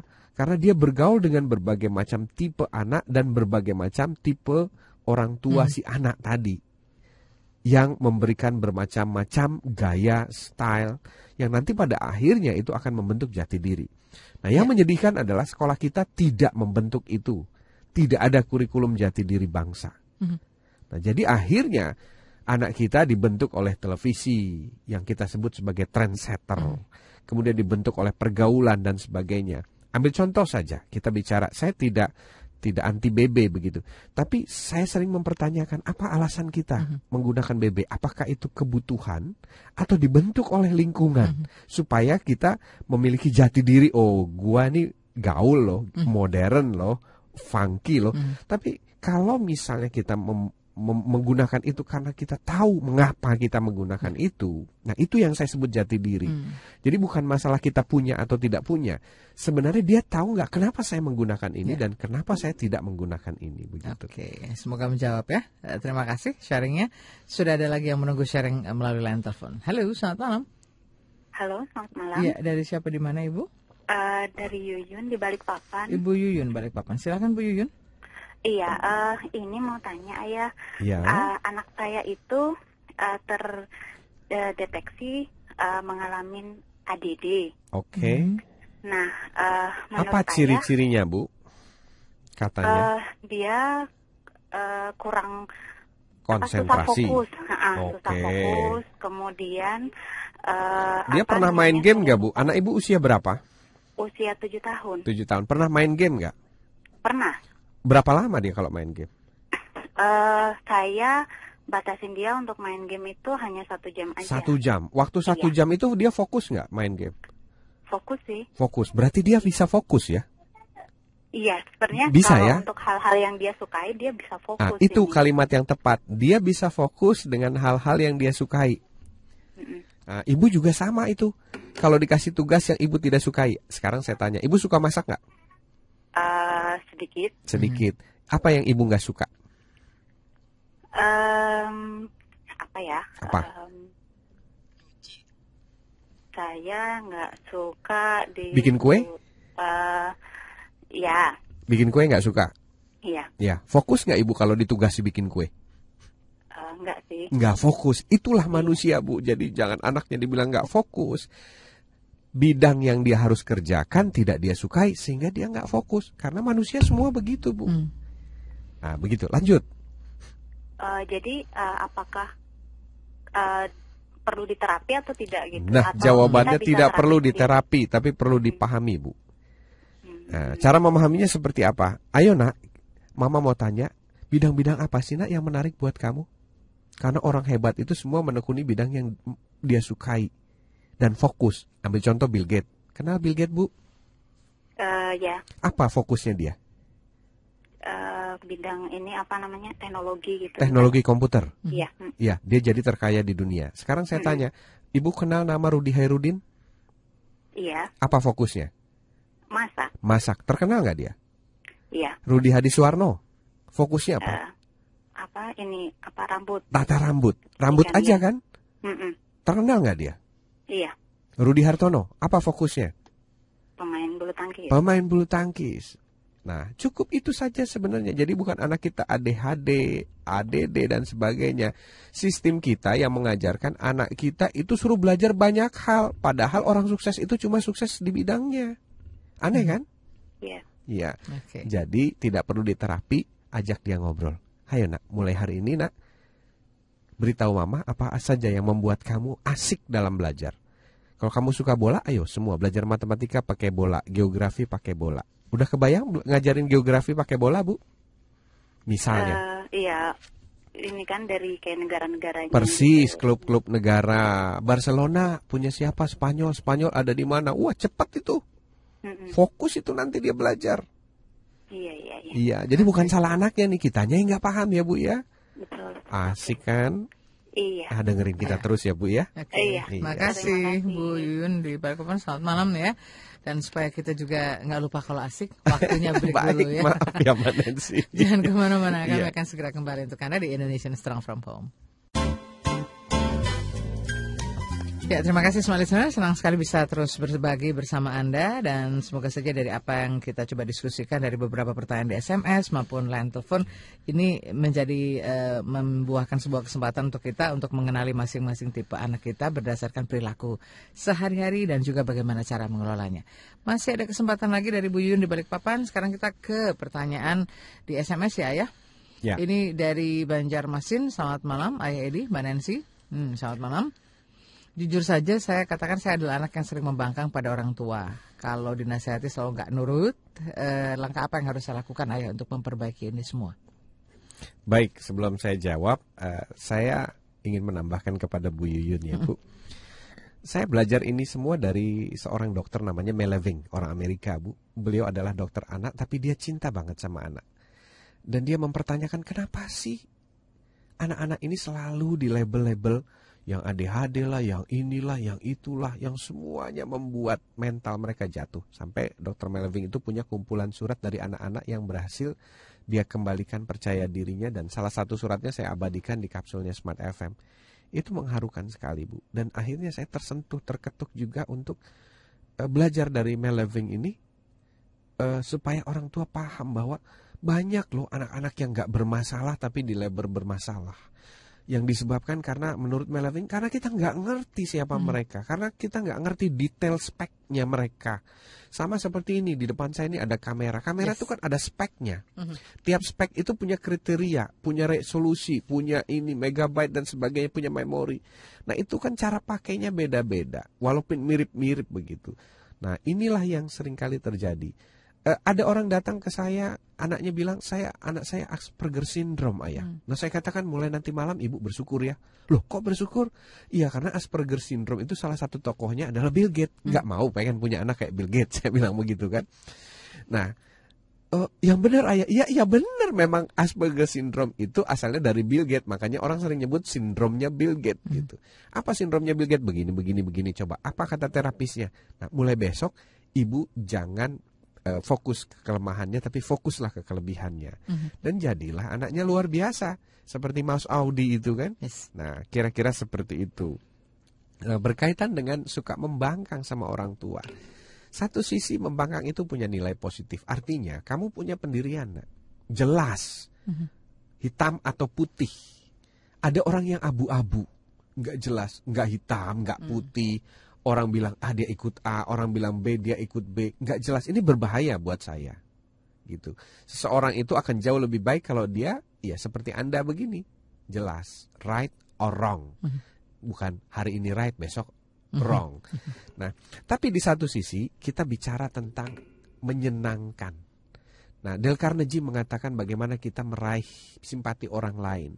Kemudian eh, kemarin saya baca buku lagi eh, satu contoh dari penulis besar mengatakan bahwa oh ya eh, apa namanya Edward de Bono orang sukses itu adalah orang yang bisa interesting menarik orang lain. Jadi orang lain itu menilai bukan kita pintar tapi menarik nggak? Anda mhm, pintar mm -hmm. tapi kalau ngomong nyelekit, wow langsung tuh di cut off gitu. Nggak menarik. Ya. Jadi dalam bukunya uh, Edward de Bono menuliskan How to be more interesting how to be more interesting. Bagaimana sih kamu tetap menjadi menarik mm-hmm. di hadapan orang lain? Nah, itu saya praktekkan. Saya adalah orang yang kekeh, keras. Boleh tanya istri saya. Mm. Nah, tapi pada saat kita berhadapan dengan orang lain, kita harus menjadi interesting, menarik. Jadi kita harus antusias. Jadi ketidaksetujuan kita kita bahasakan dengan alasan yang rasional mengapa saya begini, mengapa begitu. Dan guru-guru saya, miss-miss saya, pimpinan sekolah saya itu tahu betul. Sampai ini sering terucap ya, mm -hmm. kalau ada konflik di antara eh, teman-teman, uh, yes. selalu bilang, "Sudahlah ke rumah Ayah Edi saja." Nanti pasti ada solusi. Sampai jawabannya begitu, Bu.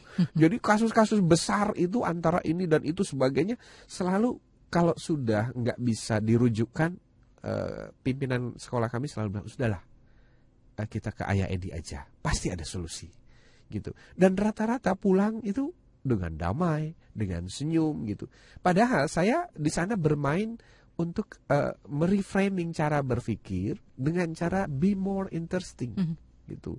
Orang nggak merasa saya ubah caranya, tapi pulang dengan senyum. Oh ya, akhirnya damai. Nah itu ya nak yang perlu kamu lakukan. Jadi nggak apa-apa kita nggak setuju, nggak sependapat dengan orang tua, tapi bagaimana orang tua tetap simpati kepada kita. Sampai dia komentarnya, anakku ini berpendirian teguh. Hmm. Bukan komentarnya anak ini membangkang. Padahal itu sama tuh. Yeah. Berpendirian teguh sama membangkang itu sama. raw materialnya, bahan dasarnya. Tapi pada saat kita berhadapan dengan orang menyampaikannya berbeda, nak, maka itu akan komentarnya beda. Mhm. Jadi yang perlu kamu lakukan begini. Kalau kamu misalnya membangkang, eh, jangan pakai kekerasan. Eh, ini loh ma, kenapa sih aku nggak setuju ini? Kan ini ada nilai negatifnya loh. Mhm. Pertama begini, coba kalau ini begini begini nanti aku bisa terbawa sama teman-teman. Aku begini begini. Itu kalau kita pandai menyampaikan itu poin per poin tentang weaknesses point atau kelemahan atau membahayakan, mengkhawatirkan orang tua, orang tua kita pasti akan mengikuti kita, berubah. Nah itu yang disebut art of conversation. Jadi seni berbicara. Mhm. Nah itu nak yang kamu perlu baca, kamu cari bukunya. Dale Carnegie punya itu. Oke, baik. Jadi kita boleh katakanlah tadi punya pendapat ya, asal Ya. itu juga bisa dipertanggungjawabkan ya. Persis. Kan saya tidak selalu setuju dengan orang Hmm. lain, tidak selalu setuju dengan pendapat eh, orang lain. Saya berbeda Hmm. membawakan talkshow ini, tapi saya tidak eh, apa ya, eh, tidak dalam konteks membangkang begitu. Mhm. Saya dalam konteks menyajikan logika demi logika. Kenapa saya begini? Kenapa saya berbeda? Kenapa saya menentang arus? Kenapa saya mengkritisi pendidikan? Nah, tapi dalam proses mengkritisinya saya jelaskan why-nya, Mhm. saya praktekkan caranya, saya hadirkan testimoni. Sehingga orang menangkapnya dengan oh iya ternyata benar ya. Mhm. Bukan oh itu orang anti apa namanya begini-begini gitu. Jadi tanggapan positif lah yang akhirnya muncul. Itulah seni yang perlu kita pelajari begitu. Oke, terima kasih sharingnya dan semoga bermanfaat. Kita lanjut lagi masih ada kesempatan ke ada penelpon Mas Bowo? Oke. Kita ke SMS yang berikut dari Bu Dewi di Binjai, Sumatera Utara. Saya selalu nggak sepaham nih ayah dengan eh, ibu saya dalam mendidik anak. Ya. Nah, saya ikuti nasihat ayah, tapi saya sering dianggap memanjakan anak. Mohon nasihatnya nih ayah. Baik begini, yang pertama kalau ada anggapan ya, itu biasanya muncul dari persepsi. Mhm. Nah, pada saat orang tua kita bilang, kamu memanjakan anak, oke, mama, yuk kita bicara yuk. Memanjakan itu apa sih artinya? Mhm. Satu definisi memanjakan, kita menyamakan persepsi dulu, Ya. gitu. Apakah memanjakan itu adalah memberikan kemudahan? Mhm. atau memanjakan itu menyayangi. Karena sering kali banyak orang salah berpersepsi tentang memanjakan. Gitu. Jadi kalau misalnya mengelus-ngelus anak, ngeloni anak, ih jangan manjain anak. Itu bukan memanjakan, itu menyayangi. Mhm. Saya lakukan itu. Tapi saya mendefinisikan memanjakan itu adalah memberi banyak kemudahan. Jadi anak minta sesuatu langsung dapat. Kemudian terlalu banyak menolong dan membantu anak melalui pembantu asisten rumah tangga, neni. Mhm. Itu memanjakan. Nah, jadi yang pertama itu dulu Bu. Ayo kita definisikan yuk Ma, yuk. Kemudian yang kedua, kalau mama menganggap memanjakan, oke kejadiannya kapan? Jadi kita bicara data nih, Ya. detail. Seperti apa? Terus responnya seperti apa? Baik. Jadi ibu nanti nggak berdebat kusir, Hmm. tapi kita bicara per kejadian, per kasus, kemudian per efek. Nah baru setelah catatannya lengkap, ibu coba hadirkan pembanding. Sebenarnya saya nggak sendiri loh, mah. Saya ada sumbernya nih. Menurut sumber ini begini. Kemudian kalau dilakukannya seperti ini, maka efeknya begini, begini dan begini dan begini. Ini hasil riset loh, mah. Mhm. Saya bukan coba-coba loh. Ya. Nah, jadi akan ya seperti tadi, bentuknya menentang, Mhm. bentuknya tidak sepaham, justru kita reframing, mencerahkan orang yang tidak sepaham dengan kita. Moga-moga bisa menjadi sepaham Mhm. dengan cara yang tadi be more interesting. Jadi bukan berdebat dan saling marah. Ya, tapi kita cari informasi dan datanya yang lengkap untuk bisa tadi ayah Iya. mendukung apa eh, kenapa kita lakukan hal Iya, ini ya? sepaham dan tidak sepaham ini biasanya banyak persepsinya, Mbak, bukan Hmm. fakta dan bukan data. Justru itu yang diperlukan fakta dan Nah, datanya. kita akan membawa ke arah fakta, Hmm. data, kemudian hasil riset. betul. Faktanya kita sudah sampai di penghujung ayah.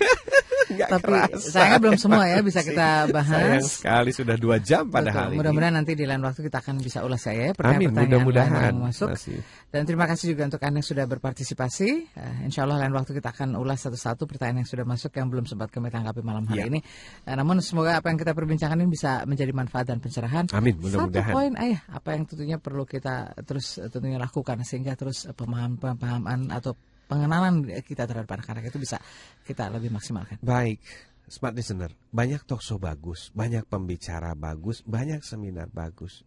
Tapi semua itu tidak ada gunanya kalau kita tidak action dan tidak applied. Saya melakukannya buat keluarga saya di rumah. Langsung setiap kali saya talkshow itu sebagai pengingat bagi saya untuk terus melakukannya. Nah, bagaimana dengan Anda di rumah? Jadi jangan sia-siakan ini. Langsung aplikasikan, praktekkan supaya hasil kita, talkshow kita, waktu kita berguna penuh bagi keluarga dan anak-anak.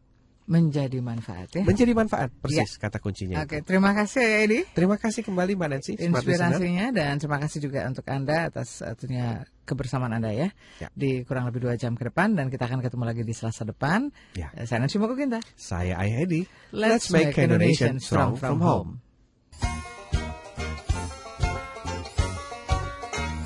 Telah Anda ikuti Indonesian Strong from Home bersama Ayah Edi. Untuk konsultasi dan seminar, hubungi 0816 182 2323.